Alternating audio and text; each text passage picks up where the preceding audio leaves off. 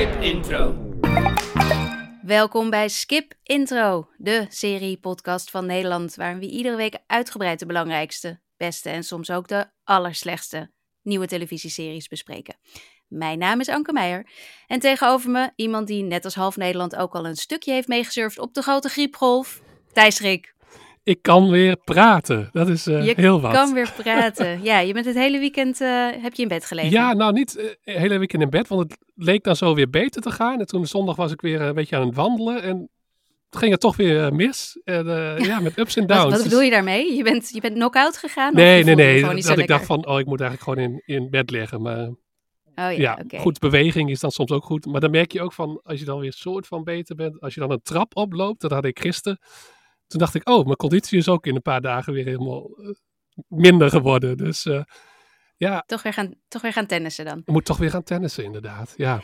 maar jij hebt ook een beetje la last van. Uh, ja, ja joh. Het, het, ja, de, de jongste is op het moment thuis. En ik ben ook een beetje half. de ene keer ziek, de andere keer. Als je kinderen hebt, mag je niet echt ziek zijn. Dat kan gewoon nee. niet echt, zeg maar. Dus dan voel je je heel ellendig. denk je, ugh, ik wil gewoon onder een dekentje op de bank. Ja. Uh, maar ja, dan zit er al iemand onder een dekentje op de bank. en daar moet jij dan voor zorgen. Ja. Dus uh, nou ja, hè, we zullen niet klagen. Ik denk dat heel Nederland hier uh, ja. op dit moment last van heeft. Is wel een goed moment om series te kijken altijd. Als je je ziek voelt. Vandaar dat we ook weer lekker wat nieuwe titels gaan bespreken ja. um, in deze aflevering. We gaan het onder andere hebben over de docu-serie The Greatest Night in Waar ik eigenlijk heel veel zin in heb, maar ik ben er niet aan toegekomen. Jij wel, dus jij gaat me zo uh, lekker maken daarmee. Ja, het is trouwens gewoon een, stukje... docu, geen uh, serie. Ze hebben oh, geen serie. Oh, nou. Maar, maakt niet uit, maakt niet maakt uit. niet uit. Gewoon heel, zelf hij is leuk. er een Spoiler alert. en hij staat op Netflix. Ja. ook op Netflix Griselda, daar heb je een stukje van gekeken. Ja. We hebben alle twee naar één of twee afleveringen van Masters of the Air gekeken, want eindelijk, eindelijk, hij is er en we mogen erover praten. En, en op veler verzoek gaan we het over, toch nog, over de finale van Fargo hebben. De laatste aflevering van het laatste seizoen. Dus uh, uh, daar gaan we het aan het einde over hebben. Dat is met spoilers uiteraard. Um, maar dat zeggen we tegen die tijd, want Ja. dan kun je hem afzetten als je er niet hebt gekeken.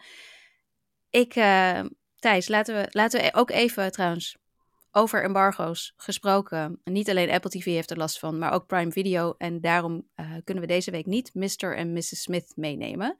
Die hebben een embargo tot donderdag en vrijdag verschijnen de eerste afleveringen op Prime. Ja. Dat is natuurlijk die nieuwe serie van Donald Glover, een remake van de Brad Pitt en Angelina Jolie film.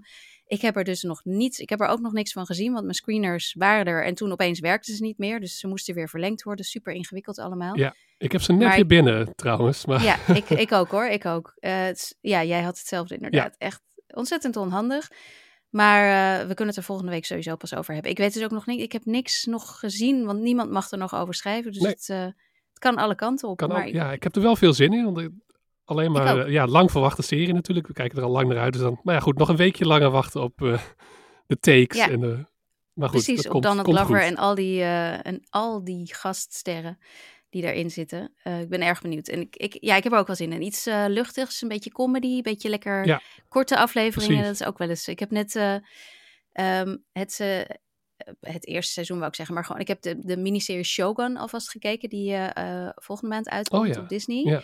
Dat ik moest daarvoor interviewen en dat waren, dat ik weet niet eens of ik daar al iets over mag zeggen. Dus ik zal er verder nog niks over zeggen. Maar het waren wel allemaal weer hele lange afleveringen. Dat je denkt, Oh, hoe ga ik dit nou weer in mijn avond proppen? Wauw, ja. Dus eh, wat dat betreft kijk ik ook, tenzij Donald Glover ook afleveringen van een uur heeft gemaakt. Wie weet.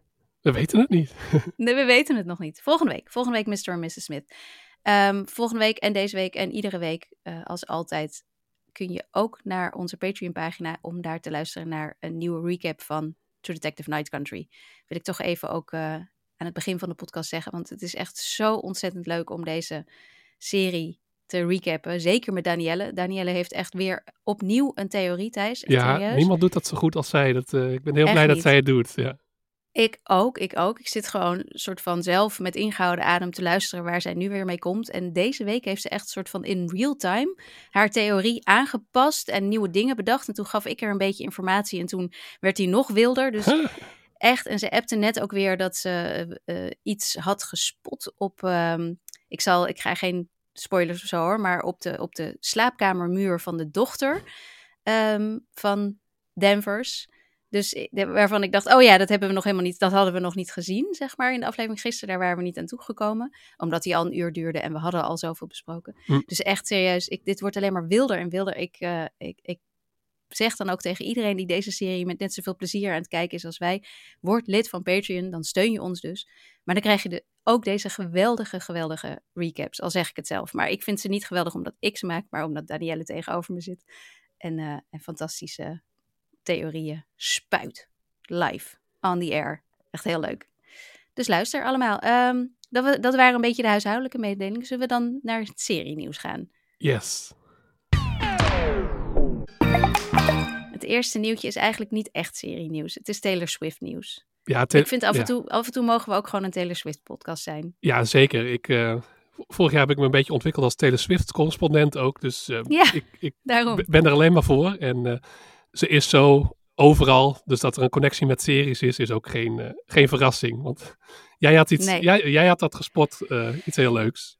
Ja, het is natuurlijk, ze is natuurlijk met die, met die voetbalspeler, Travis Kelce. Ja. ja. En eh, ik volg dat eigenlijk echt alleen maar via social media. Krijg ik dan af en toe iets mee. En ze is natuurlijk bij al die games van hem. En ik, als ik het goed heb, gaan ze nu. Hij is van de Patriots? Nee, hij is niet Hij is van de Chiefs. De Chiefs, sorry mensen. Ja. Eh, en hij, eh, eh, ze gaan naar de Super Bowl, toch? Ze gaan naar de Super Bowl en het is het topteam. Dus ze heeft ook een van de topspelers van het topteam teams te pakken gekregen, om het zo maar te Alleen zeggen. Dus het beste voor Taylor het beste Swift van het natuurlijk. beste. Ik, ik ben benieuwd of dat via die dating site voor be- beroemdheden is Oh, gegaan. Of dat het op een andere manier is gegaan. Ik dacht dat hij, een, eh, dat hij haar een vriendschapsarmbandje op het podium had gegooid met zijn nummer erop. Ik, d- Oh, ik heb zoiets dat- meegekregen. Volgens mij heeft hij het zelf eh, gemanifesteerd, zeg maar. Hij heeft het heel erg eh, in de hand geholpen. Eh, maar in ieder geval, zij zijn samen en hij gaat naar de Super Bowl. En iedereen hoopt natuurlijk dat zij er dan ook bij kan zijn. Maar wat is het probleem? Op de dag dat de Super Bowl is, de avond daarvoor, heeft Taylor een concert in Japan. Ja. En toen ging, werd internet gek en gingen ze allemaal rekenen van, haalt ze dat? Als ze een vlucht terug moet hebben met het tijdverschil en die lange vlucht, haalt ze het om op tijd in Amerika te zijn voor die Super Bowl finale. En toen zag ik dus iets voorbij komen ehm, waar ja, mijn The West Wing hart sneller van ging kloppen.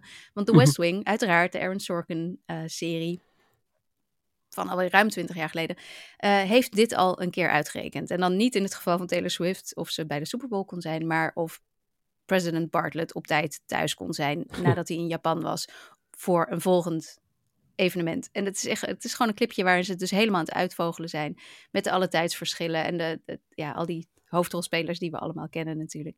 Het is ontzettend grappig. leuk. Ja, ik werd er zelf heel blij van. De West Wing is overal goed voor. Wist je dat er ook een nieuw West Wing boek is trouwens? Eh, nee, heb ik helemaal gemist. Ja, het is geschreven door eh, Mary McCormack. En nu ben ik even haar naam kwijt. Een actrice die de assistente speelt. Nou, sorry, ik ben haar naam kwijt. Maar eh, die hebben een boek, een soort van behind-the-scenes boek geschreven. Wat binnenkort uit gaat komen. Oh, leuk. Ja, er werd al een hele tijd geteased door al die acteurs op social media. En iedereen dacht dat er echt een reunie kwam. Want dan hadden ze weer een etentje en dan was het Och. weer... We zijn plannen aan het bespreken en eh, heel flauw. Maar er komt dus een nieuw boek voor alle fans. Ik ben klaar En, met eh ja, The West Wing. Gaat Dit Taylor het halen? niet Taylor Swift, de maar The vraag. West Wing. ja, ze, ja, ja, ja, ja, ze gaat, het het halen. halen, Ze gaat het halen, ja. Ja, dus eh, dat is fijn. Misschien eh, na de Super Bowl moeten we nog een soort van eh, bespreking houden. Van, kunnen we de reclamespotjes stellen als series? Dat, dat, die- Ja. dat vind ik altijd leuk van de Super Bowl. Al reclamespotjes. Die, hoewel het ook al jaren niet zo leuk meer is als vroeger. Maar ik klink ja, al dat zo was oude man. wel, maar- nee, ja, ik, nee, toen ik nog in New York woonde, moest ik regelmatig daar dan iets over schrijven voor de krant. Oh, ja. Voor de site. ja, Dus van, kun, je, kun je iets doen met de Super Bowl? En dan bedoelen we natuurlijk de halftime show en de reclames. Ja. Dat werd altijd wel gevraagd, ja. Eh, nee, laten we kijken. Misschien, als, eh, als er, misschien is er wel weer een serie gerelateerde. Er is ooit een eh, Ja. Sopranos ehm, Super Bowl commercial geweest. Oh, wauw, oké. Waarin was het Meadow volgens mij met een nieuwe versie van haar vaders auto, van Tony's auto, rijdt. oh wow. En dan hoor je woke up this morning, dat. Dus ehm, wie weet, wie weet komen we erop terug. Ja, het is wel vaak zo'n prestige moment. Netflix pakt vaak een moment wel om de serie of de film die ze willen tonen eh, te promoten. Ze hebben, ze hebben zelfs een keer gehad dat ze dan rechten van een film hadden gewacht toen dat nog heel bijzonder was. En dan zeiden ze, Hmm. na de Super Bowl wordt deze film gedropt. Het was helemaal geen goede film. Een soort van Cloverfield sequel. Maar dat- Mm, het is oh. wel vaak een moment voor merken om te zeggen van... eh, kijk eens hoe goed wij zijn en kijk eens wat onze positie is. Nou ja, Netflix kan dat als geen ander.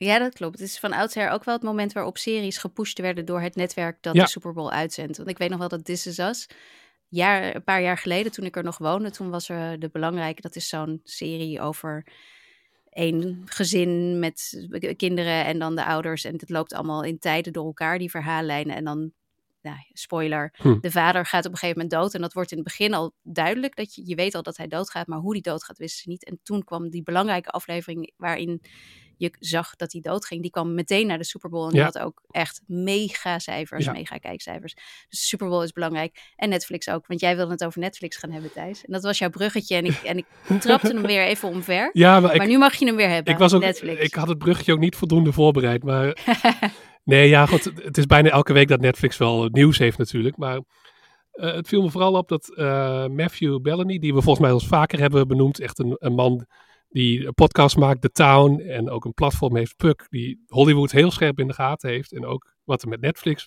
gebeurt.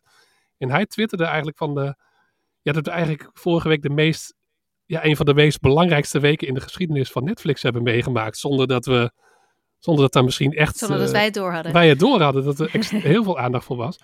Ten eerste omdat ze natuurlijk weer eh, gigantisch zijn gestegen. Ze hadden een kwartaalcijfers bekendgemaakt. 13 miljoen abonnees erbij. Ze zitten nu op 260 miljoen abonnees. Verreweg het, het meeste van alle diensten. Voor een groot gedeelte dankzij dat password sharing, die crackdown die ze ja, die hebben crackdown gedaan, op dat dat niet meer mag. En het lijkt dus wel een succes te zijn dat ondanks dat mensen erover mopperden, dat ze toch wel accepteren dat ze nu moeten betalen voor en, en niet meer de, de paswoorden kunnen delen. Ehm, tegelijkertijd hadden ze een gigantische deal gesloten met, we hebben het vaker over pro-wrestling gehad, met WWE, de grootste organisatie voor pro-wrestling of showworstelen, zoals we hier Mhm. zeggen. The Rock komt er vandaan, John Cena, allemaal dat soort grote sterren. En ze gaan wekelijks gewoon een, eh, een show uitzenden van, eh, van WWE. Live, toch? Live. En dat is wel echt een hele grote stap. Want ze hebben natuurlijk wel wat experimenten gehad met live tv. Lange tijd heeft zeker Reed Hastings gezegd: we gaan niet niks doen met sport, want dat is allemaal veel te duur. En we zijn niet in de sportbusiness. Reed Hastings. Reed de Hastings en de, de voormalig baas. En nu gaan ze dan toch eh, meteen voor vijf jaar met een optie voor tien jaar eh, live wrestling eh, tonen. Ehm, en dat, ja, ze zeggen zelf, dat wil niet betekenen dat we nu meteen in de sportwereld gaan duiken, maar het is duidelijk een experiment om te kijken of dit aanslaat, of dit abonnees trekt, of dit mensen binnenhoudt, of er weer een soort van fanbase ehm, groter gaat worden. En eh, Ja, ja, dat is dus ook wel heel interessant. Dat, en, en mensen zeggen van ja, de strijd is nu een beetje gestreden. En hoe, hoeveel groter kunnen ze worden? En kunnen ze nu ook eh, op dat gebied, op de- het gebied van sport, ehm, zichzelf eh, laten zien? En ik, Want het dat lijkt is het er wel natuurlijk een beetje, ja. dat is het een beetje dat. ehm, we zijn natuurlijk allemaal aan het wachten wie wint de streaming wars. Nou, ik had deze week een momentje dat ik dacht: oké, Netflix heeft duidelijk gewonnen. Want in True Detective aflevering 3 Ja, eh, zegt, zegt een van de detectives dat ze als ze wil ontspannen naar Netflix kijkt. En dit was op HBO Max, dus Ja. wat dat betreft, eh, nou, hè, Netflix zelfs op HBO Max Ja. heb je al gewonnen.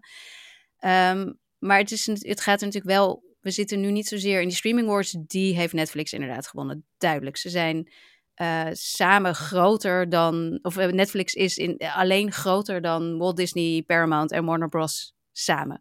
Dus Ja. ja, hands down. Maar nu komt wel het volgende moment.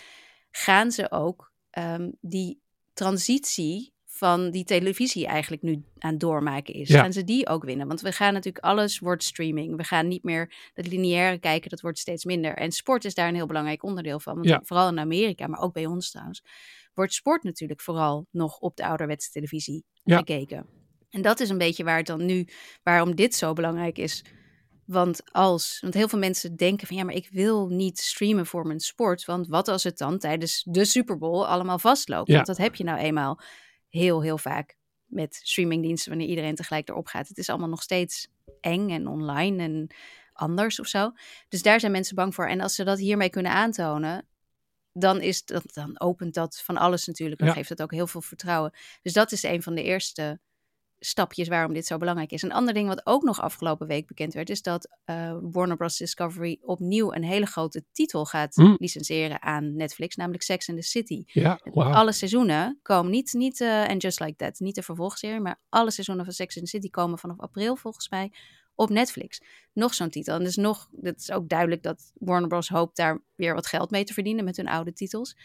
En het is ook weer een beetje terugkeer naar hoe Netflix begonnen is. Hè? Ja. Grote titels van buitenaf aankopen, zodat mensen die op jouw platform kunnen kijken. En dus ook niet meer zoveel geld spenderen aan eigen titels, eigen films. Daar hadden we het vorige week nog over. Dat hoofdfilm was opgestapt Ja. of vertrokken. Vertrokken. We weten, we weten niet helemaal hoe. En dat heeft natuurlijk allemaal eh, eh, ja, daarmee te maken. Dus Netflix, de volgende stap voor Netflix is, ze hebben al gewonnen van de andere streamers. Ze waren altijd al de grootste. Niemand heeft ze in kunnen halen. En nu is het nog de vraag: kunnen ze dat platform worden waarop iedereen televisie gaat kijken? Ja. En dat is dat. En Disney zal ook sport gaan doen waarschijnlijk. En eh, Amazon met Prime. Doet ook al wat dingen met voetbal soms. Prime is ook. Ja. Prime zal echt niet zomaar verdwijnen. Ook al vinden wij het niet zo'n fantastische streamer. Nee. Met af en toe iets leuks, maar ja, overal niet zo geweldig. Prime is gewoon super groot, zeker in Amerika, vanwege het abonnement Precies. op de boodschappen. videodienst is het extraatje eigenlijk. eh, daar. Ja, ja. dus het is wel een beetje, ja, wat, welk platform, naar welk platform kijken we over tien jaar? Ik denk zeker ook naar Netflix, maar het gaat, het gaat allemaal veranderen. En wat wij in Nederland daarvan gaan krijgen, ik weet niet. Weet je of eh, WWE ook in Nederland Ja. gaat zijn? Ze hebben een speciale deal dat, ook, eh, dat ze ook internationaal gaan. En dat is voor die WWE, wat een super Amerikaans ding Ja. is. En in- ook in Engeland en Duitsland ook nog wel redelijk groot. Maar de rest van Europa meer een cult ding. Maar ja, gaat ook eh, internationaal. Dus ja, Ik dat merk kan dan ook gaan groeien. Na wrestlers Ja, ben precies. ik misschien wel een beetje geneigd om te gaan kijken. het is wel super, super entertaining in een soort van eh, guilty pleasure way. Eh, hoewel wel weer in dezelfde week ook de voormalig topman van WWE Oh ja. nu helemaal moest opstappen. Hij had nog een soort rol vanwege echt verschrikkelijke eh, rechtszaak die hij nu aan de broek heeft. eh, met ja, allerlei eh, beschuldigingen van zwaar seksueel grensoverschrijdend gedrag. En eh, Hmm. zelfs eh Ja, ja, sex zei erger trafficking. dan Weinstein, zei je. Ja, of tenminste, Oh, als, jeetje. dit is nog maar één van de. Want hij heeft heel veel mensen afbetaald, heel veel vrouwen. Ehm, Hmm. en er zijn er allemaal NDA's gesloten, dus dan geheimhoudingsplichten. Maar dan Non-disclosure. non-disclosure agreements. Maar er is één vrouw die is nu. ehm, ja, die heeft alles naar buiten gebracht wat er allemaal is gebeurd. fuck it. En eh, Goed zo. ja, hij is meteen. eh, hij was al een beetje. eh, hij was niet meer helemaal day-to-day. dagelijks was hij niet per se meer de leiding. Maar nu is hij helemaal eruit gegooid. Maar maakt het wel extra pijnlijk. En Netflix heeft daar niet echt op gereageerd nog. En de organisatie gaat, zegt ook van hij is nu weg. En we, Ja. ja. maar dat is wel ook een nare zaak. Maar Ja, dat is het. Maar ik denk dat, het, dat dit voor Netflix geen probleem gaat zijn. nee, die kunnen gewoon zeggen van dat is hun. eh, Dus ja, voor onze tijd. voor onze tijd ons hebben wij niks mee te, mee te maken. Maar Ja. ja, ja dat, dat maakt het ook wel weer een. Het was een wilde week in de ja, media streaming, eh, streaming land. Een wilde week. Nou, dat, eh, dat, daarmee sluiten we gewoon het, eh, het kopje nieuws af voor deze week. Lijkt me. Gaan we, Ja. gaan we naar de series? Skip intro. Eh, ja, ik wil even beginnen. Ehm, ik heb, eh, zoals ik net al zei, ik heb deze week vooral Shogun gekeken, waardoor ik niet echt een serie heb die ik nu kan bespreken. Maar naar aanleiding van Mr. Bates versus The Post Office, die ik fantastisch vond, Thijs iets minder, maar daar hebben we het niet meer over. Ehm, kregen we een berichtje van Sylvia op eh, Patreon, dat is een van onze leden. Ehm, zij schreef eh, over de serie Dit is de kracht van televisie in zijn beste positieve vorm. Hoe tegen zo'n grotere, corrupte machtsmachine in te gaan. Ik ben me wat tegenzin beginnen te kijken, maar de rustige, eenvoudige, typische Engelse vertelstijl werkt voor mij perfect en ben blijven kijken. En daarna zegt ze, ik zou zeker de Belgische docuserie God Vergeten willen aanraden. Je wordt er niet happy van, maar soms overstijgt de realiteit de fictie. Het is belangrijk om deze verhalen te brengen en te kijken. Nou, Sylvia, daar ben ik het helemaal mee eens. En ik heb God Vergeten ook ehm, gekeken al, nou ja, een maand of twee geleden of zo, toen hij in Nederland voor het Hmm. eerst werd uitgezonden. Eh, dit is een serie over het eh, ehm, seksueel misbruik in de ehm, Belgische kerk. En dat is, het is een hele heftige, heftige serie. Hij staat nu helemaal op NPO. eh, plus, ja, plus. Eh, sorry. Eh, en ik, ik ben er gewoon niet aan toegekomen om deze serie te tippen. Ook omdat het een beetje een moeilijke serie is. Maar inderdaad, deze serie heeft in België net zoveel losgemaakt als Mr. Bates in Engeland heeft gedaan. En dat was niet zozeer, net als bij Mr. Bates, niet zozeer omdat er nieuwe dingen ver- verteld werden. Want iedereen wist al hoe groot die misbruikzaak was, hoe groot het schandaal was, wat er allemaal gebeurd was.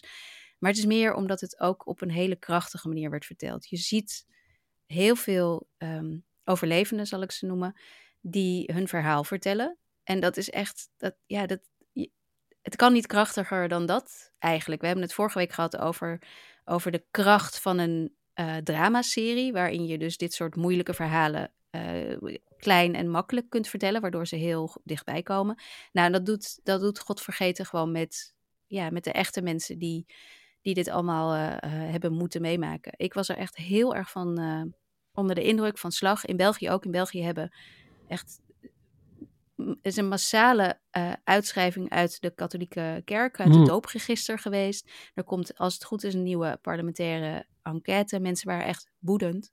Eh, terwijl dus niks, eigenlijk niks nieuws vertelde. Maar het was gewoon die aaneenschakeling van herhalen. Aaneenschakeling van verhalen die ook nog eens heel erg op elkaar lijken. Allemaal eh, mannen en vrouwen die vertellen. Ja, de- je ziet foto's van, van, ehm, van, van verjaardagspartijtjes waar dan de pastoor bij zit. Terwijl je dan vervolgens hoort dat ja, dat jongetje wat naast hem zit door hem jarenlang werd misbruikt. Zeg maar. Het is echt. En, dat, ja. en dat is niet één keer, maar keer op keer op keer. Eh, en wat ze ook allemaal hadden, was dat ze dachten dat zij de enige waren. En dat is natuurlijk iets wat Mr. Bates Ja. ook de hele tijd liet You're the terugkomen. only one, ja. Ja, je bent de enige, je bent de enige. En daarom zijn dit soort docuseries, dramaseries, maakt eigenlijk niet uit. Het is gewoon zo belangrijk dat dit soort verhalen naar buiten komen. En ik had eigenlijk een beetje gehoopt toen ik de recensie had geschreven voor eh, VPRO Cinema. Toen kreeg ik een mailtje van een van de mannen, de Nederlandse mannen die ook in deze docuserie voor, eh, voorkomt. Die zijn verhaal ook vertelt. Ehm, en hij mailde mij om me te bedanken voor de, voor de recensie, wat ik heel bijzonder vond.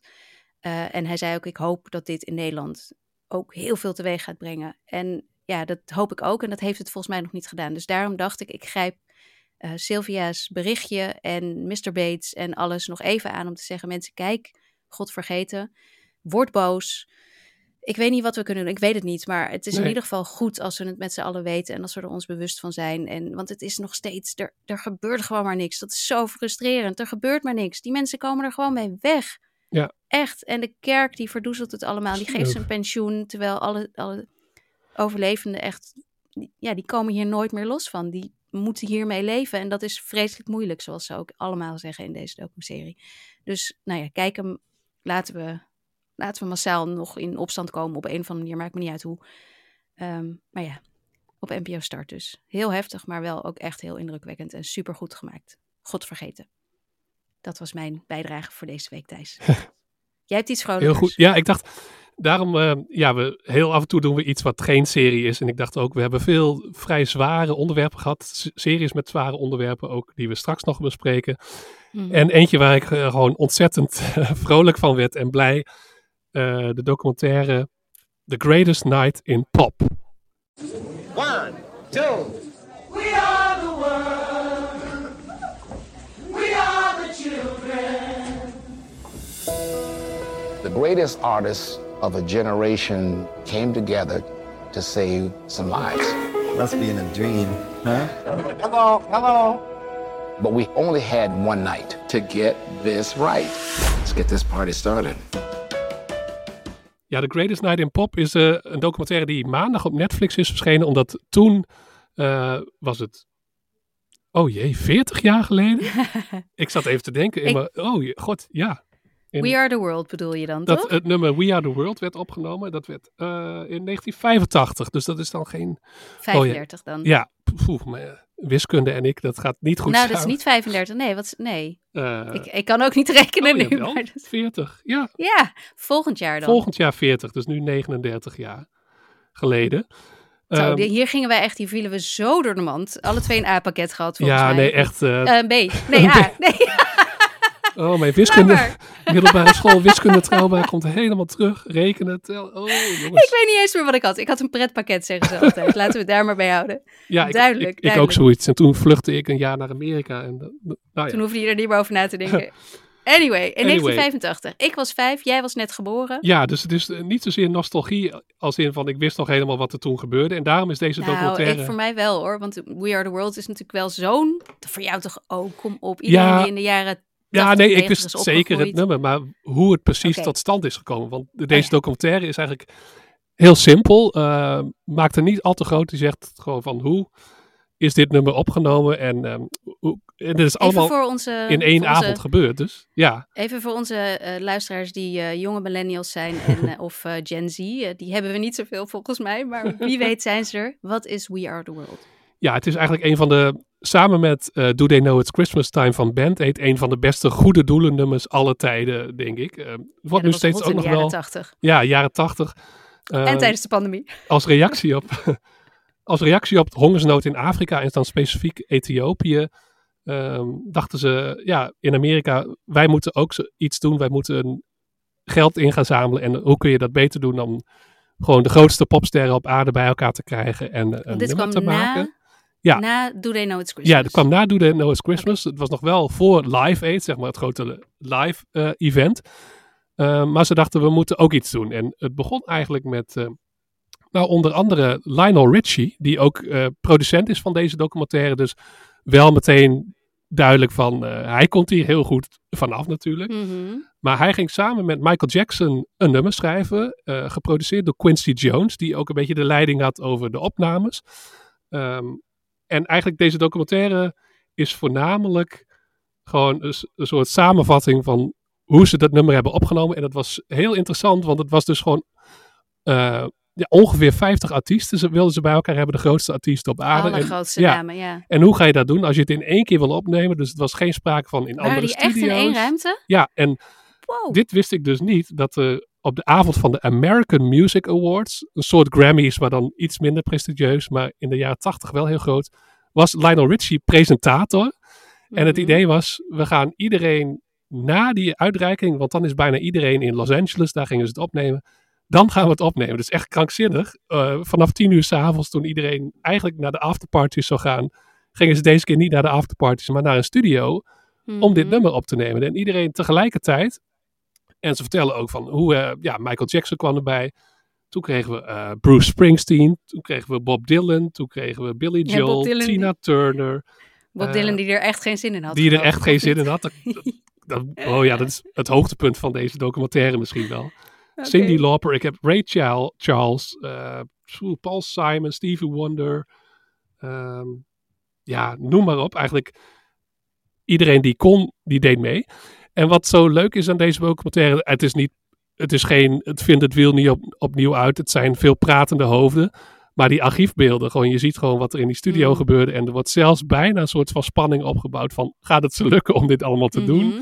En je ziet hoe Quincy Jones als een soort schoolmeester de, al deze ego's ook eh, ja, bij elkaar moet houden. En dat iedereen moet ja, in dienst van het nummer iets doen. En ja, wie gaat solo's zingen, wie niet. Ontzettend leuk, leuker dan ik had verwacht eigenlijk. En ook veel, veel anekdotes over nou ja, wie wel of niet dronken was. Er is één iemand die moest toch diep in de nacht nog een solo zingen. En dat ging niet helemaal goed. El Giro. Ah. Ehm, Dus ja, eh, eh, als je een beetje van popcultuur en jaren tachtig popcultuur houdt, is het één groot feest, anderhalf oh, uur lang. Leuk. Oh, leuk. En inderdaad, Zie je, hadden ze ja. ook best eh, in tweeën kunnen delen. Dan was het ja, hadden ze best kunnen opzetten. Ik dacht bijna zelfs van, je had hier nog een serie over kunnen maken over dit soort nummers. Hmm. Met Band-Aid er dan ook bij, van hoe dat dan allemaal gaat. En inderdaad, jij zei al, Bob Dylan die ongemakkelijk is, dat, dat, dat is al een soort eh, internet meme, omdat in de videoclip zie je dat ook al. En hier gaat het er nog veel meer over. En dan zie je van iemand die gewoon niet gewend is om met al deze mensen in een ruimte nou- te zijn. Achter Lionel Richie die daar vol overgave aan het zingen is. Ja, Terwijl ook. hij een ja. beetje zo kijkt van... eh, Ja, ze moesten dus ook een koor opnemen. En hij, zat, hij had volgens mij niet helemaal door hoe het nou precies ging. Maar hij moest ook zelf nog één stukje doen. En dat is bijna ontroerend. Dan zie je dat er heel veel mensen in de studio zijn. En dan zegt Quincy, nu moet iedereen die niet bij de opname hoort, moet nu weg. Ehm, en kwam Stevie Wonder erbij, die aan Bob Dylan voor ging doen hoe hij als Bob Dylan moest gaan zingen. Want Bob was Oh, eigenlijk aan het mompelen. En die ja, ging ja. eerst het refrein doen, terwijl hij gewoon een completje moest doen. En dan zie je hoe, nou, Bob Dylan toch een van de grootste artiesten aller tijden, een soort klein jongetje wordt die niet helemaal in zijn comfortzone is. En dan geholpen wordt door Stevie Wonder, die sowieso een soort van fantastische rol daarin had. Ja, ik wil niet eh, te veel anekdotes gaan vertellen, want je Oh, moet het gewoon zelf Het klinkt zien. echt fantastisch. Maar ik dacht, eh, toen ik keek, dacht ik van, oh ja, dit had ik echt even nodig, deze, eh, dit, dit stukje popcultuur. Nou, ik word er echt alleen al van de omschrijving word ik er blij van. Ik ga hem zeker ergens, eh, ergens kijken komende week. Ja. Leuk. En het Op is Netflix. leuk. Ja, op Netflix. En het is leuk, denk ik, voor mensen die het zich herinneren of een beetje herinneren. En ook voor de nieuwe generatie. Want zouden we dit nog kunnen doen met Taylor Swift, die allemaal artiesten bij elkaar haalt? Ja, het zou misschien kunnen, maar het zou misschien. Taylor kan alles. Ja. Ze kan ook op tijd terug zijn vanuit Japan voor de Super Bowl. Dus dit Ja. kan ze ook. Ik ben Misschien- ervan ja. Misschien moet ze dit regelen, want eh, het zou toch leuk zijn als er weer zoiets komt. Misschien volgend jaar, als ze echt 40 jaar, als het 40 jaar geleden is. Nou ja, nou ja het, is, het ligt nu wel allemaal wat anders. Ik denk niet dat je zo makkelijk gaat zeggen... ach, we vinden die mensen daar zo zielig en we gaan niet... Zo Nee. werkt het tegenwoordig allemaal niet meer. Dat, Nee, zijn, het is ook wel andere wel zo. tijden wat dat betreft. Ja. En ja, we weten wat er tijdens de pandemie gebeurde toen ze zoiets probeerden. Dus, Ja, nou, niet, Daar was Taylor niet bij betrokken, maar dat was natuurlijk heel gênant. Dat was heel gênant. Het was ook niet goed voorbereid. Dit was wat beter voorbereid. Ja, dus misschien, misschien inderdaad dat er zoiets eh, kan gebeuren, maar dan eh, dat ze goed kijken naar hoe het toen gedaan werd. Ja. Of zo. Nou ja, de- in ieder geval eh, The Greatest Night in Pop staat nu op Netflix. Superleuk. Ook op Netflix. En daar heb jij een aflevering van gekeken, is Griselda. For the last three years, Griselda Blanco has owned Miami, distributing cocaine. Ms. Blanco's operation has been efficient, deadly,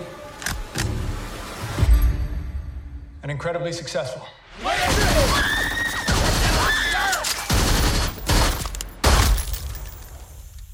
Let's get to work.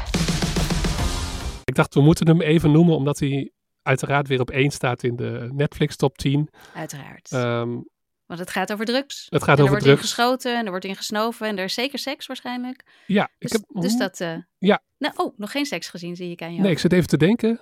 Nee, volgens mij niet. Nou, in elk geval nou, niet, dat- niet heel lang. Ehm, Niet heel indrukwekkend. ja, het gaat... ja, het is in ieder geval de ideale formule voor een Netflix-hit. Dat sowieso. Maar Ja. is het ook wat, Thijs? Ja, nou, ik dacht vooral bij het kijken, het gaat dus over de opkomst van een echt bestaande drugsbaron. En hier is de twist dat het een vrouw is, Griselda Blanco. Gespeeld door Sofia Vergara, die we kennen uit Modern Family. En ik, Mhm. ik ken daar ook eigenlijk niet van andere rollen, dus, maar dit schijnt wel echt een soort van passion Ja, project heeft- van haar te zijn. Ze heeft een, in een hele leuke film met... ehm ehm, Wauw, hoe heet die regisseur van al die Marvel-films nu ook alweer? Die ook acteur is. Die ook in Friends heeft gespeeld. John... Favreau. John Favreau, dankjewel. John, Favreau. Favreau, inderdaad. Die heeft een hele leuke... ehm, ja, comedy een beetje gemaakt... waarin zij eh, zijn naam speelt. Eh, of zijn Ah. naam, zijn vrouw speelt. Ah. Chef heette die uit Oh 2014. ja, die heb ik gezien. Ja. En dat is echt, daarin eh, is zij, ja, ze, is, ze zegt dat volgens mij in interviews deze week. Ik heb meerdere dingen voorbij zien komen waarin ze ook zegt, ik kan nooit een andere rol spelen dan een, een eh, Latina vrouw, omdat ik gewoon zo'n dik accent heb. En dat heeft ze hier Ja. ook. Dus ze is inderdaad altijd wel, maar daarin was ze niet, ehm, ik weet niet meer hoe ze heette, Modern Family, maar daarin was ze ook wel weer anders. Dus ik wist wel Ja. dat, ze, dat ze leuk kon acteren, maar hierin was ze wel meer iets, iets meer zichzelf, denk ik. En in Griselda schijnt ze wel een soort van Ja. totale metamorfose te hebben gehad. Ja, precies. En eh, ik heb nog maar één aflevering gekeken. En ik denk ook niet dat ik verder ga kijken. Maar, maar ik wilde toch even zien. Ja, misschien eh, als het opeens me heel erg zou raken. Dat ik toch door zou kijken. Want het is ook van de makers van Narcos. Dus als je Mhm. Narcos goed vond. Vind je dit denk ik ook wel goed. Alleen ik zag gewoon helemaal niks nieuws. Behalve. Ja, het is nu de opkomst van een vrouw die uit Colombia vlucht. En in Miami een, een drug, drugsimperium eh, op wil starten. En je ziet een scène dat zij eh, een honkbalknuppel pakt en eh, een jongen neermept. En snoeihard is ze. Ehm, maar bij mij knaagt dan toch wel iets van, ja, maken we deze vrouw dan sympathieker dan ze in het echt was? Maar de- ik weet niet hoe het in de overige afleveringen is. Maar ik dacht al wel van, hmm, ik, het begint steeds meer een beetje te knagen. Een beetje de verheerlijking. En het is in elk geval niet de satirische eh Martin Scorsese blik of zo. Of echt kritische blik, vooralsnog. Ehm, het is degelijk gemaakt. En Eh, Narcos ging natuurlijk... In Narcos had je wel Pablo Escobar, die, Ja. die wel...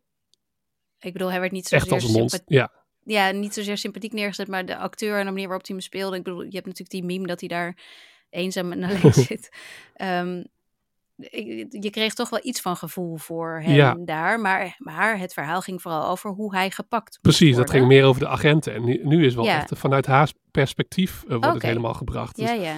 ehm, Ja, want zij was wel de enige, want zij is ook een bestaand persoon. En zij was de enige vrouw waar, eh, of de enige mens, gaat dan weer de, de Ja. legende waar Pab- Pablo Escobar bang voor was. Ja, daar zozeer opent enige het mee. vrouw, maar mens. Die Ja, ja, ja, daar opent ja. het mee. Ja.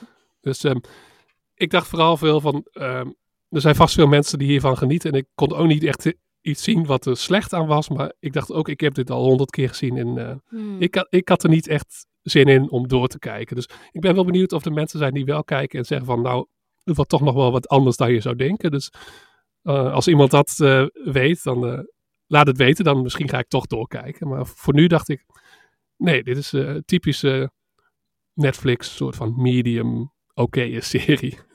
Oké, een drie sterren dan. Ja, voor aflevering 1 in elk geval. Oh ja, oké. Oké. Ja. Nou ja, Griselda, hij staat op Netflix. Heel veel mensen vinden hem vanzelf, want hij staat op nummer 1. Dus dat, Ja. dat komt wel goed. Maar ik, eh, ik denk dat ik hem nog eventjes eh, laat liggen. Dan. Oké. Nou, dan gaan we naar iets wat we alle twee hebben gekeken. Masters of the Air. So you are ride me? A girl worth riding to is hard to find. Not if you know where to look. I'll miss you every second. Major Egan, you were the first pilot assigned to the 100th. Me and Buck Levin. You are in charge of 35 planes and 350 air crewmen. Don't you die on me before I get over there.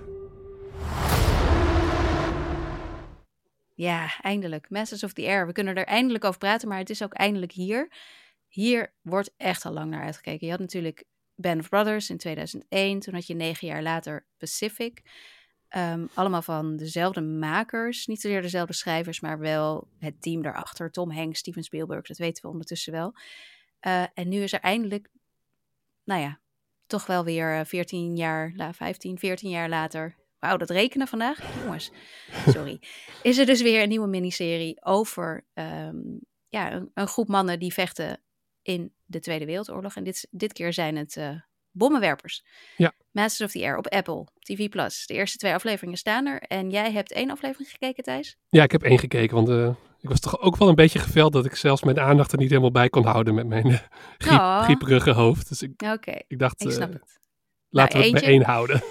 Eh, ik heb de twee afleveringen die nu ehm, online staan, live staan. Hoe zeg je dat tegenwoordig?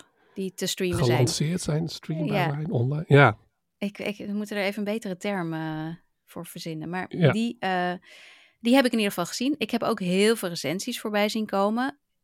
En die zijn echt wild in hoe verschillend ze zijn. Ja. Ik heb echt gezien, dit is de eerste must-see tv-serie van het jaar. Deze serie soars, om het dan maar Ja. in de termen van de Air Force te houden. En weer een andere zegt, dit is een misfire. Alles. Echt alles komt voorbij. Mensen Ja.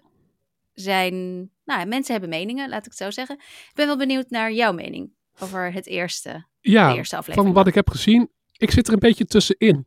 Want ik, ik ben wel iemand die, moet ik ook zeggen, gewoon het oorlogsgenre is niet helemaal waar ik wild van word. Dus ook, eh, ja, als het goed gemaakt is, dan, dan kan ik er enthousiast van worden. Maar dat is niet helemaal mijn ding. Dus ik moet, moest zeker, laten we zeggen, het eerste kwartier, misschien zelfs het eerste half uur, heel erg inkomen. En ik kon meteen zien van, oh, dit ziet er fantastisch uit. Dit is, de kostuums zijn goed, de locaties zijn goed. eh, het, het geld wat erin zit is overduidelijk te zien. En, maar ik voelde nog wel een beetje dat ik ook nog niet helemaal de personages goed kon aanvoelen. Bijvoorbeeld eh, Austin Butler speelt een hoofdrol als een van de, als ik het goed heb, squadron-leiders. Een van de Ja. leiders. Hij is Bucky. Bucky- Nee, hij is Bak. Hij is ja, Bak. Ja, er zijn twee. Bucky's. Dat is ook een soort grap van... eh, Bak en Bucky. Bak en ja. bak, dat je het niet uit elkaar kunt halen. Ehm, dus ik, ik zat, de, voornamelijk bleef ik een beetje in metamodus hangen van, Mhm. oh, dit is goed gemaakt. Het raakt me nog niet helemaal. Ik, ik, ik kon er nog niet helemaal in komen. Wel rond de laatste aflevering dat ik dacht, ik ga zeker doorkijken. En ik ben benieuwd hoe het zich gaat ontwikkelen. Maar ik voelde nog niet zo heel veel erbij, moet ik Mhm. zeggen. Ik ehm, was daar van tevoren heel erg bang voor. Ik Ja. zei volgens mij vorige week nog van ik ben een beetje bang. Het ziet er natuurlijk allemaal heel mooi uit met het Apple geld. En Ja. eh, Austin Butler is echt een filmster. Ik was gewoon een beetje bang dat het allemaal een beetje te gelikt zou zijn daardoor. Ja. Eh, en niet datzelfde gevoel als Band of Brothers zou ja, opwerpen bij mij. Maar ehm, ik, was, ik was aangenaam verrast dat het, eh, dat het dat eigenlijk wel deed. Ik, ik voel, ik, ja, ik, ik kreeg echt wel een Band of Brothers vibe bij die eerste afleveringen. Ook de manier waarop het natuurlijk, waarop je hebt, ehm, dat je iedere keer een voice-over hebt van Ja. een van de mensen. En dan niet per se die hoofd, echte hoofdpersoon, dus niet per se Austin Butler, maar een van de anderen die dan vertelt over ja, wat, wat zijn taak was en hoe dat dan werkte binnen eh, zo'n regiment. En ik vond dat, dat was heel vergelijkbaar natuurlijk met Band of Brothers. Wat je hier niet hebt, logisch, is die interviews met die Nee. echte mensen die eh, gevochten hebben, met de echte soldaten.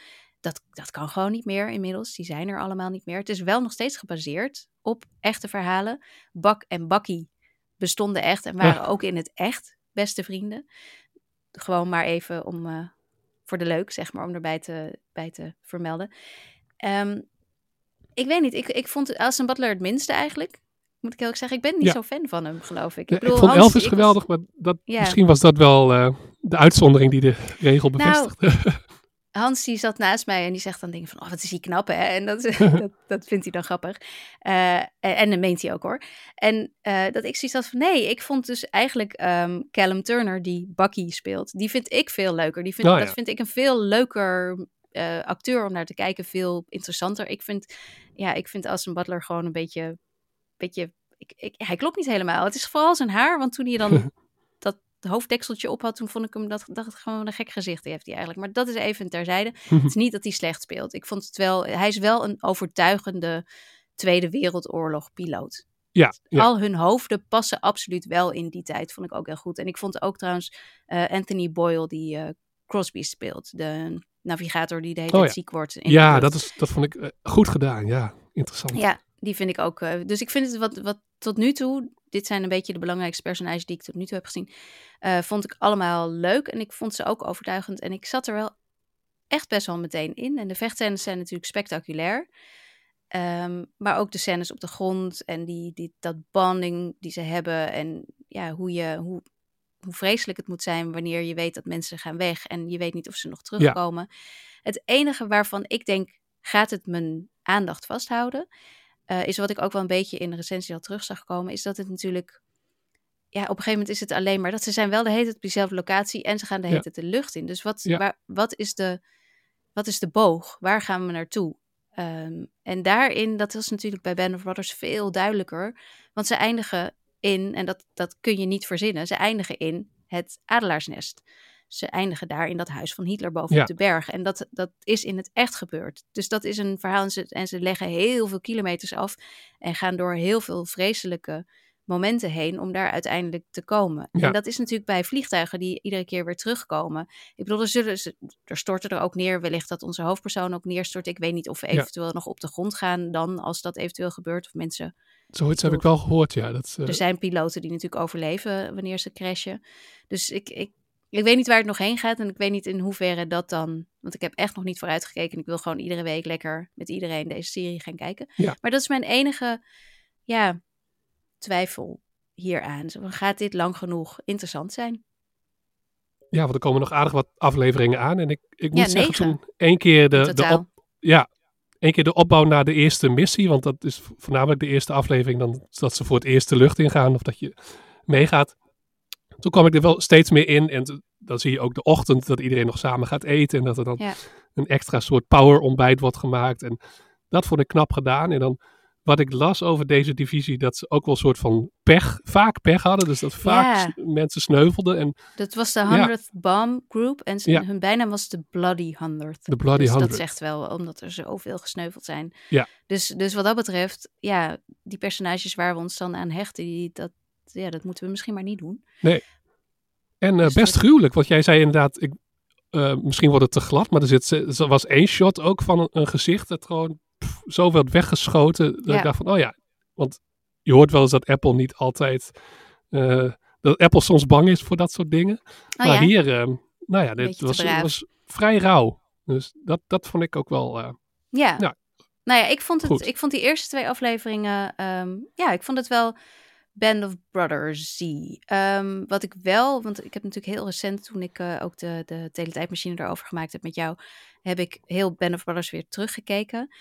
Eh, en toen weet ik wel dat ik echt wel een beetje buikpijn kreeg over de heftigheid van hoe heftig die oorlog was. En dat heb ik Ja. hier wel minder. Het is omdat je in de lucht zit, heb je toch minder dat gevoel van oorlog Ja. eh, nog. Maar dat, dat komt misschien wel. En ik ben, ik ben gewoon wel heel benieuwd. Ik ben ook heel benieuwd. ehm, ze gaan ook de Tuskegee Airmen erin. Die komen aan het einde ook erbij. Ja. Dat is ook een echt regiment. Want het, eh, de Air Force was gesegregeerd. Dus je had de, de eh, witte piloten en de zwarte piloten. Die niet samen in, in, in hun teams of regiments zaten. Of hoe je dat ook noemt. Maar die, daar was dus een hele belangrijke eh, regiment. De, de Tuskegee Airmen. Die hebben allerlei belangrijke dingen gedaan. Die zijn geloof ik echt super belangrijk geweest. Ik weet hier dus helemaal niks van. Ik ben... Ik, ik ga dit allemaal leren zoals ik alles leer van televisieries. maar daar ben ik wel echt heel erg benieuwd naar. Ook hoe, hoe zij erin verwerkt zijn. En ook iets wat natuurlijk Band of Brothers, dat zegt zelfs Tom Hanks, eh, enorm mist. Is dat het alleen maar witte mannen zijn die we zien. Ja. Dus dat vind ik dan hier ook wel weer een pluspunt aan. Ehm, ik weet niet of ze het goed doen. Ik weet niet of het eh, bijzonder genoeg is. Ik weet wel dat eh, ehm, de ehm, sex education acteur en inmiddels ook Doctor Who, eh Nuti Gatwa natuurlijk daar ook in speelt. Ehm, Ja, ben- ja. Daar ben ik ook heel benieuwd naar. Dus ik, ik kijk echt wel uit naar de rest. Ik kijk echt wel uit. Ja, nee, ik blijf eh, ook. Ja, ik- zeker aan het eind was ik wel eh, zeer geïnteresseerd in de, in de rest. Dus ik, ik ga ook zeker doorkijken. Hoewel ik er vooraf misschien dacht van. hm, ik weet niet helemaal of het mijn ding is. Maar het is wel. Ja, ook leerzaam en ook goed om deze geschiedenis moet gewoon. Moet je blijven vertellen ook wat er, wat er dat. En zeker in deze tijd is het altijd goed om weer series te zien waar nazi's eh, uit de lucht worden geknald. Dus eh, in die zin is het genoeg ook. eh, nazi's doden, wat dat nee, betreft. precies. Ja. Mooi. Nou, eh, ik denk eh, dat we er echt nog wel terug gaan komen de komende weken. Ik weet niet Ja. of we het iedere week doen of, eh, eh, of af en toe. Zoals we ook met de volgende serie doen.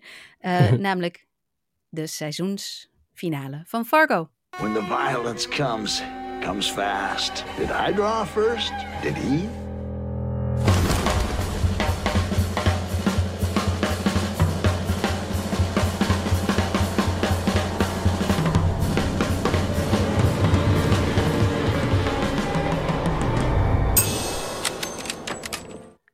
Ja, Fargo. Ik, ik had al eerder aangegeven van ik weet niet of het me nog lukt. Ik heb nog niet kunnen kijken.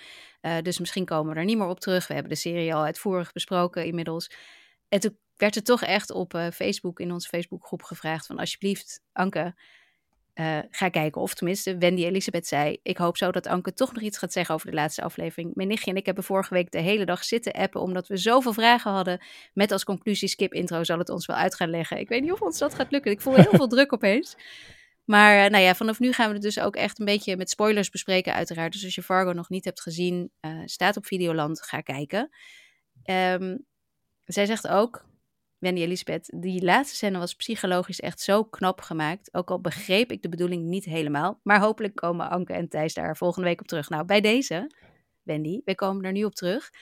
Ehm, jij hebt hem alweer een tijdje teruggezien, denk ik, of niet? Ja, het is alweer een paar weken geleden. Eh, mijn gevoel voor tijd is soms ook niet altijd even goed. Net als nee, mijn zeker niet als je ziek bent geweest. Ja. Oh god. Maar eh, ja, ik, eh, ik heb hem samen met mijn vriendin gekeken. We keken de laatste paar afleveringen samen. En ik weet nog, ja, zeer indrukwekkend. En ook, Ja, het is- speelt absoluut sowieso- met de verwachtingen, deze aflevering. is- ik vond het echt een fantastische aflevering. Ik heb hem gisteravond gekeken, dus ik ben er echt nog helemaal vol van. Zozeer dat ik jou nu even onderbreek. Sorry daarvoor. Ja, nee, maar het is goed, want jij, voor jou is het net iets verser. Iets verser. nou ja, het is natuurlijk het, het. Hij is onverwacht. Want je denkt, oh, nu gaan we die hele standoff daar op die boerderij krijgen. En er wordt veel geweld en veel geschoten. En uiteindelijk is dat de eerste, nou ja, misschien is het een kwartier of zo, niet eens zo heel erg lang. Dat je dus daar hebt dat die FBI probeert om Roy te eh, arresteren. Wat ze uiteindelijk gelukkig ook lukt. Maar niet voordat onze hele vriendelijke, lieve politieagent wordt neergestoken door hem. Wat echt wel, dat je denkt, Ja. oh ja, ja, er moest natuurlijk een slachtoffer vallen. En dat was hij. En dat was, dat, dat was allemaal heel mooi. Maar ja, dood overleeft. Hij wordt gearresteerd. Je hebt zelfs nog die prachtige scène in de gevangenis waarin ehm, Eh, ik ben even de naam van de personage kwijt. Ja, gespeeld door Jennifer Jason Lee. Ja, ik ben even de naam kwijt. Maar het maakt ook niet uit. Maakt niet dat uit. schoonmoeder in ieder geval. Ja. ehm, daar even vertelt aan hem van... hey, jij denkt dat je nu hier in de gevangenis zit... en je vindt het hier allemaal wel prima. Ook zo mooi als hij zegt, het is hier... Het is hier, de orde is hier zoals het hoort. Je hebt eh, verschillende groepen en iedereen weet waar die staat. En het is op rassen eh, gescheiden en dat soort dingen. Waarop zij zegt, ja, oké, whatever. Het is echt die timing van die, echt de manier waarop Ja. ze die zin... Het, ik, wij moesten alle twee zo hard lachen toen we keken, Hans en ik. Ehm, maar ja, waarop zij dus nog even aan hem duidelijk maakt van... je denkt dat je hier enigszins oké zit, maar think again, je echte straf gaat nu beginnen. Ja, ik heb namelijk al ja. deze mensen hier en dat hele celblok en dat hele celblok en dat hele celblok heb ik iedereen schulden kwijtgescholden. En ze vertelt wat ze met jou moeten gaan doen de komende tijd. Ik vond het echt prachtig. Dus, en toen dacht ik, nou ja, hoe, hoe ga je hier nou overheen? Hoe, is, hoe kan dit beter eindigen? Dot is weer gelukkig met haar gezin en eh, hij zit in de gevangenis en krijgt zijn echte straf. Hij krijgt wat hij al die vrouwen heeft aangedaan, al die jaren gaat hij nu zelf voelen. Ja. Ik zat bijna te juichen op de bank. Fantastisch. Hoe ga je dit toppen? En dan komt Dot thuis. En dan zit de Sin Eater daar. Ja. Al een, een jaar later, toch? Eh, Dat eh, zeg Ja, ik, een jaar later. Ja, een dus, jaar dus later, de rust ja. lijkt helemaal eh, terug, maar, En maar dan, zit hij daar. En dan Ja, zit haar oh man nee. daar. Heerlijk. Wat een leuke rol heeft hij toch? Zit hij daar heerlijk soort van ongemakkelijk, maar toch nog heel erg vriendelijk. Ja. Op zijn Minnesota's waarschijnlijk. Zit hij daar op de bank met die hele, hele vreemde, ja, wereldvreemde man. Ja, En, eh, en die komt nog even tegen Dot vertellen van ja, ik, eh, tijgers eh, mochten niet, moesten niet in een kooi blijven zitten als ze moesten vechten. Maar ik heb nog wel een ehm debt met je te verheffen. Ja. Hoe zeg je dat? er is een Schuld te verheffen nog. Ja, En dan, nou ja, wil, wil jij hem overpakken of Ja, nou ja, mag ik gewoon doorgaan? nou, misschien een klein stukje van, je verwacht dan van, oké, we weten dat er nog wat tijd is en dan komt er misschien nog een soort standoff, een soort strijd, Ja. maar dan, dat gebeurt eigenlijk niet, want hij wordt ontvangen in dat huis en dan, ja, de angel wordt een soort van uitgehaald, want ehm, Ja, maar niet zegt helemaal. maar niet helemaal, maar ze Ja. zegt van, ja, ze begint eigenlijk tegen hem, eh, op hem in te praten, maar gaat ook gewoon, ze zegt ook van, eh, ja, het is een school night, dus het is gewoon een door de weekse dag. Wij Ja, moeten gewoon door ons eten. leven, dus we gaan, moeten nu gaan koken en eh, hij moet dan mee naar de keuken. En dat, dat kun jij Ja, misschien zegt- beter vertellen, want jij, was, Ja, ze- jij hebt het gisteren ja. gezien. nou ja, ze zegt zoiets van, je kunt, we gaan dit of op een later moment gaan we het hier over hebben. Of je was nu je handen en je komt meehelpen. En het volgende shot, en ik vond sowieso daarvoor al hoe die daar zit en hoe die dan dat flesje eh, pap, dus eh, ehm, frisdrank, aangereikt krijgt. En dan zo proost nog even met dat flesje. Het, echt, het was allemaal zo komisch, ook omdat hij daar zo bloedserieus zit met zijn missie die al Ja, honderden jaren in hem rondgaat voor zijn gevoel. En dan vervolgens dat, hij, dat je dan dat shot hebt dat hij dus die hele vieze handen aan het wassen is. Best grondig overigens, dank je wel Ja. daarvoor. En, en dat hij dan gaat helpen met het maken van de biscuits. En ja, ook nog dat, dat- gewoon helemaal hoe zij dan is. Van, van ja, het geheim van de biscuits is dat je daar eh, ehm, karnemelk in doet en niet eh, gewoon water. En dat, ze dat Ja. helemaal aan het uitleggen is. En dat hij daar dan vervolgens... En dan wil hij iedere keer wil die weer beginnen over wat hij toch eigenlijk daar aan het doen is. En waarom die moet afmaken wat hij moet Ja. afmaken. En zij onderbreekt hem iedere keer met, met gewoon de lulligste dingetjes. Totdat ze dus uiteindelijk echt daar aan tafel zitten. En hij eigenlijk, ja, begint te vertellen over in zijn, in zijn, zijn eh, man has dit en dit vorm, ja vertelvorm. persoon, ja. Ja, het is een ontzettend ingewikkelde manier, maar waarin hij wel een soort van het verhaal van de Sin Eater vertelt en hoe die dan eh, naar Amerika is gekomen op een boot met heel veel mensen die roeiden, die soms verdronken Ja. in, hun, eh, in hun stoel. Het is echt, waarop je de- iedereen aan tafel echt ziet kijken, zo van, oké, Oké. Maar ze, accepteren het ook zo, ze, Ze doen niet van, accepteren het hier aan de allemaal. hand? Ja, En- ze laten het allemaal vertellen. En dan ja, vervolgens dan, dan is de. Ik, ik had de hele tijd het gevoel van het kan compleet gewelddadig worden weer. Hij kan nu Ja. toch besluiten het is genoeg, want hij schuift ook dat bord met chili weg en hij wil er toch echt niks van weten. En dan vertelt hij dat verhaal van Sin Eaters en dat het Ja. eten niet lekker was, maar hij had zo'n honger, dus hij moest eten, maar dat hij, dat hij al die, die vreselijke gevoelens daarvan kreeg, natuurlijk omdat hij die, die zonde overnam. Ja. Waarop zij dan op zijn dots zegt: de enige remedie daarvoor is dat je nu iets eet wat met liefde is gemaakt. En dan geeft ze hem zijn eigen biscuit aan, Ja. zijn broodje. En dan neemt hij een hap en dan verandert zijn gezichtsuitdrukking. En dat is het. En Ja. het is het einde. En hij voor is het blij. eerst lacht hij. Ja, Waarschijnlijk voor het eerst in zijn leven. we hebben de man nog nooit zien lachen. Ja. Ja, voor het eerst in ziet zijn leven waarschijnlijk. Oeh, ja, ja. Maar echt, het, ik, wij zaten echt soort van te, nou ja, ik weet niet, te glimmen op de bank met z'n tweeën. Ik vond dit Ja. zo fantastisch. Ik had hier zo gelukkig van. Zo knap gedaan. En eh, achteraf, ik heb net nog even een interview met Noah Hawley, de maker, eh, gelezen. Dat dit ook, dit, dit, deze slotscène of dit slotgedeelte eigenlijk een beetje ingedeeld was nog weer als een toneelstuk. Dat ze zagen van, Mm. die, dat hele gedeelte bestaat uit drie delen. Dus eerst dat ze in de huiskamer zijn, dan gaan ze naar de keuken en dan gaan ze naar de, de eettafel. Ja, Ehm, en dat ze het zo hebben uitgewerkt. En het speelt zo wat je verwacht, ook bij Fargo, hoewel we ook van eerdere seizoenen weten dat het soms wel eens een hele gekke afslag kan nemen.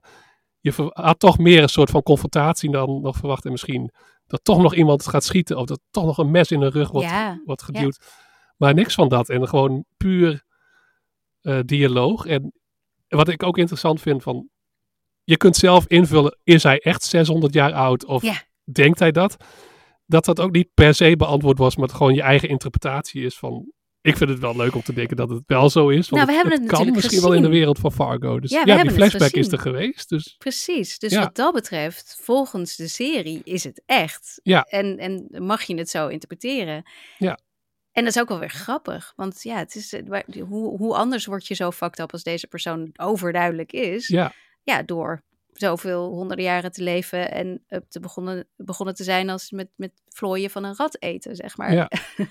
en daarna de zonde van rijke mensen.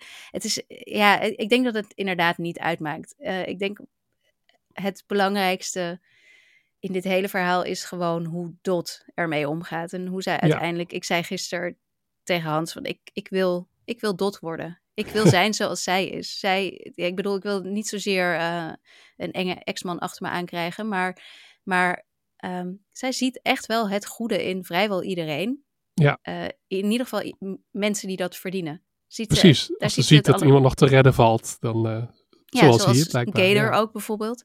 In Ja. scènes daarvoor. Ze is gewoon echt door en door goed. Zij is En- echt eh, niet Minnesota nice, maar gewoon nice. Echt nice. Echt Ja. nice, inderdaad. En, ik, en ook met een, ja, een soort van we pakken dit even aan mentaliteit. Ik bedoel, dat zag je natuurlijk in de eerste aflevering al. Er kwamen mannen op haar af en vervolgens ging ze dat op zijn eh, Kevin McAllister's. ging ze dat eventjes allemaal fixen. Eh, ze is echt, ik, ja, ik, ik wil haar tot mijn spirit animal bombarderen bij deze. Ik vind haar echt heel erg tof. En Ja. dit was ook een teken ervan van hoe je, ja, hoe kun je, hoe kun je het kwaad tegengaan met goedheid? En dat is natuurlijk wel Ja. een beetje als je het dan weer afzet tegen het Trump America waarin dit speelt. En eh, Michelle Obama die zegt, if they go low, we go high, zeg maar. Dat, het, het, het, is, het is idealistisch. En in de werkelijke wereld Ja. ja, werkt het helaas niet altijd zo. Maar ja, zoals ik wel altijd tegen mijn eigen kinderen zeg, het, het werkt wel beter om Ja. ja, positief te proberen te zijn en van het goede uit te gaan, dan meteen ervan uit te gaan dat dingen niet gaan lukken. Dus als ik dan iets hieruit meeneem, dan is het wel de positieve blik op het leven van Dot. Ja, en de traumaverwerking, want dat eh, heeft Ja. ook gezegd, gaat ook, zij ziet ook het trauma in hem. En hij, zij heeft natuurlijk ook een gigantisch trauma. Zo, en hoe je dat ja. verwerkt, en dat is voor iedereen anders natuurlijk, maar hoe zij daarmee omgaat en ook het over probeert te brengen naar hem, is de... En Fargo kan soms ook heel cynisch zijn. In sommige seizoenen waren veel cynischer nog dan, dan dit seizoen. Maar hier vond ik het mooi dat hij in een, zeker in een jaar waarin Amerika weer aan de rand van de afgrond staat, toch een soort positief eh, einde eraan brouwt. Eh, petje af, zonder dat het op geen enkele manier wordt het corny of eh, eh, Nee. Amerikaans sentimenteel of zo. Nee, juist helemaal niet. Maar wel super mooi gedaan.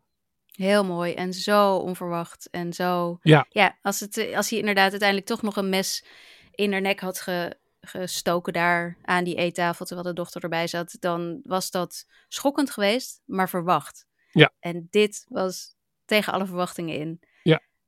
En, En, ook knap dat je de, ja, die, die discipline hebt, of ja, de- het aandurft om eigenlijk je hele grote verhaallijn eigenlijk dan al in het eerste kwartier van de aflevering af te ronden. Eigenlijk de- wat iedereen als climax had verwacht, wordt eigenlijk afgerond. eh, want hij had ook al eerder een moment dat hij haar natuurlijk hielp. eh, Ja. Dus Nou, denkt en- van, nou, mis- misschien was het al afgerond. Maar nee, het was nog niet afgerond met hem. Ik zei, eh, ik zei ook gisteren, toen we klaar waren met kijken, toen zei ik tegen Hans, niet dat ik dat had gewild, maar die hele verhaallijn van de Sydney Eater had er niet ingehoeven. Het had ook gewoon een mannetje kunnen zijn wat was ingehuurd en wat vervolgens wat misschien een beetje gek was, maar dan, weet je wel, dat, dan, dan was hij gewoon weg geweest na eh, dat hij haar uit die kuil had gehaald, inderdaad. Het had niet zo, ehm, ja, hij had niet zo, zo eh, duidelijk aanwezig hoeven zijn voor de rest van het verhaal om nog steeds Nee. helemaal te staan en te Precies. kloppen en afgerond te zijn. Dus dit is een hele bewuste keuze om, ja, om, het, om het net anders te maken. Om er net Ja. een, ik bedoel, zoals die ene aflevering waarin zij eigenlijk gewoon droomt, maar waarin je dat hele poppenspel krijgt. eh, die, die wij ook alle twee heel bijzonder vonden. Het is gewoon een, een verrassende, ehm, gekke manier om een verhaal te vertellen. Op compleet eigen manier. Die Ja. eh, een stuk minder, ja, ongemakkelijk is dan The Curse bijvoorbeeld, die dat natuurlijk ook doet. Maar dit is, dit is er dan eentje die mijn hart eh, volledig verwarmde. Ook al is er heel veel geweld geweest en is Ja. het een eh, vreselijk stukje Amerika wat je te zien krijgt. Ik, ik, ja, heel knap gedaan. Hij gaat Echt absoluut eh, in eh, de beste series van het jaar, voor mij. Zeker, ik vind dat hij ook bij dit jaar hoort eigenlijk meer dan 2023. Omdat hij wel al toen deels te zien was, maar het voelt echt als een 24-serie. Ja, voor mij wel, ja. Ja. Ja, zeker weten. En ik ga, zodra ik tijd heb, de andere seizoenen kijken. En moet ik dan Ja. beginnen met seizoen 2? Twee is wel de beste, maar één is wel En is, is gewoon de nou klassieke? Fargo. Dus ik zou wel gewoon één en twee doen. Tenzij dus- je echt in tijdnood zit en denkt, ik ga maar één seizoen kijken dit jaar, dan twee. Oké, en is 4, hoe, hoe staat die ehm, ten opzichte van 2? Is die net zo goed, minder, beter? Seizoen vier? Ja? Dus het seizoen hiervoor, dat is wel echt de zwakste. Die, eh, nee, nee, nee, seizoen, nee. Oh, seizoen is 5, vijf. sorry, seizoen 5. Ja, vijf. Ten opzichte Ja. van 2. Ik zou twee weer eens moeten kijken, maar op dit moment voel ik misschien toch meer voor deze. Ook vanwege dat fantastische einde. Dus, eh, maar ik vind ze allebei vijf sterren. Dus heel lastig te zeggen. Dus verder geen... Ja, want in twee zitten ook wel weer geweldige dingen die ik nu waarschijnlijk vergeten ben. Dus, eh, maar dat zijn wel echt de twee must-see seizoenen, durf ik wel te zeggen. Twee en vijf. Nou, ik hoop, ik hoop in ieder geval dat Noah Hawley eh, een volgend seizoen gaat maken. Of iets heel anders gaat maken, Ja. dat mag ook. Maakt ja, hij is nu met uit. Alien bezig. Ja, dat klopt, ja. Nou, daar ben, ik, daar ben ik dan nu, dat had ik normaal nooit interessant gevonden, maar nu ben ik daar benieuwd naar, Ja. omdat hij het maakt. Ja, hij weet echt zijn eigen. Hij heeft van Fargo, zeg maar, er moest een soort selling point zijn van, oh, we maken Fargo de serie. En, maar hij heeft er zoiets eigens van gemaakt met wel de spirit van de Coen Brothers, Ja. de oorspronkelijke regisseurs. Ja, heel knap hoe je, en dat het lijkt me best moeilijk om gewoon je eigen visie daarin te, in te werken, in te bouwen. En ik vind het ook goed, hij nam hier heel veel tijd voor, dus misschien is het goed dat hij nu ook even een andere serie doet. En Mhm. hij zegt vaak van, als ik opeens weer een idee heb voor Fargo, dan schrijf ik het op en dan komt het wel. Dus Nou, dat ik hoop dat we over een paar jaar toch wel weer een, eh, een nieuw dat seizoen blijkt- krijgen. Ja, Dat blijkt te werken, inderdaad. Ik hoop het ook. In ieder geval ga ik weer kijken wat hij maakt, want ik ben benieuwd. Ehm, dan zijn we door de series heen deze week. En nou, ga ik, ga ik even de patrons bedanken. Want eh, we hebben weer heel veel nieuwe patrons namelijk, die eh, eh, allemaal meeluisteren naar de recaps van True Detective Night Country, die ik samen met Danielle maak.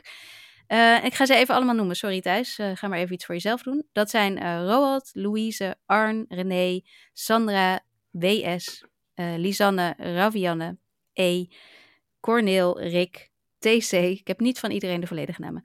Eh, Michiel en Joost. Dank jullie wel weer en welkom en superleuk dat jullie meeluisteren. Wil je nou ook meeluisteren, mee discussiëren? Eh, het kan op Patreon.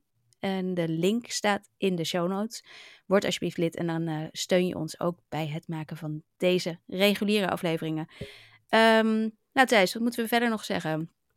Je kunt ons volgen op social media, Threads, Blue Sky, Twitter, Instagram, via skipintro.nl. Lid worden van de Facebookpagina, die link staat in de show notes. En eh, daar kun je dus berichtjes achterlaten en dan zeggen wat ik moet doen. En dan doe ik het ook gewoon heel braaf, dat blijkt wel weer. Eh, en je kunt ook mailen naar podcastskipintro.gmail.com. Verder kun je je abonneren op onze nieuwsbrieven, de popcultuurbrief van Thijs en I Like to Watch van mij. Die komen volgende week weer als het goed is. En ehm, nou, dan vraag ik als altijd, laat iedereen weten dat je naar Skip Intro luistert. Dus deel het en eh, geef ons ook sterren en duimpjes omhoog. En laat recensies achter in de podcast-apps. Dat helpt ons echt enorm. Ehm, nou, dat was hem dan voor deze week. Volgende Ja. week gaan we het dan wel over Mr. en Mrs. Smith hebben. Ik ben heel benieuwd. Ik heb er al zin in. En eh, verder gaan we nog even zien. Ik, Ja. eh, ik kijk er in ieder geval uit. En ik zeg Ik ga- tot volgende week. Thijs? Tot volgende week. Ik wou zeggen, ik ga nu eh, We Are The World op repeat zetten en meezingen en alle leuk. stukjes in de stemmen van, de, van alle verschillende sterren doen. Oh, oh, leuk. We Nou, dat, daar, gaan we het, Nee. daar gaan we het volgende week over. Tot volgende week, Thijs. Tot volgende week.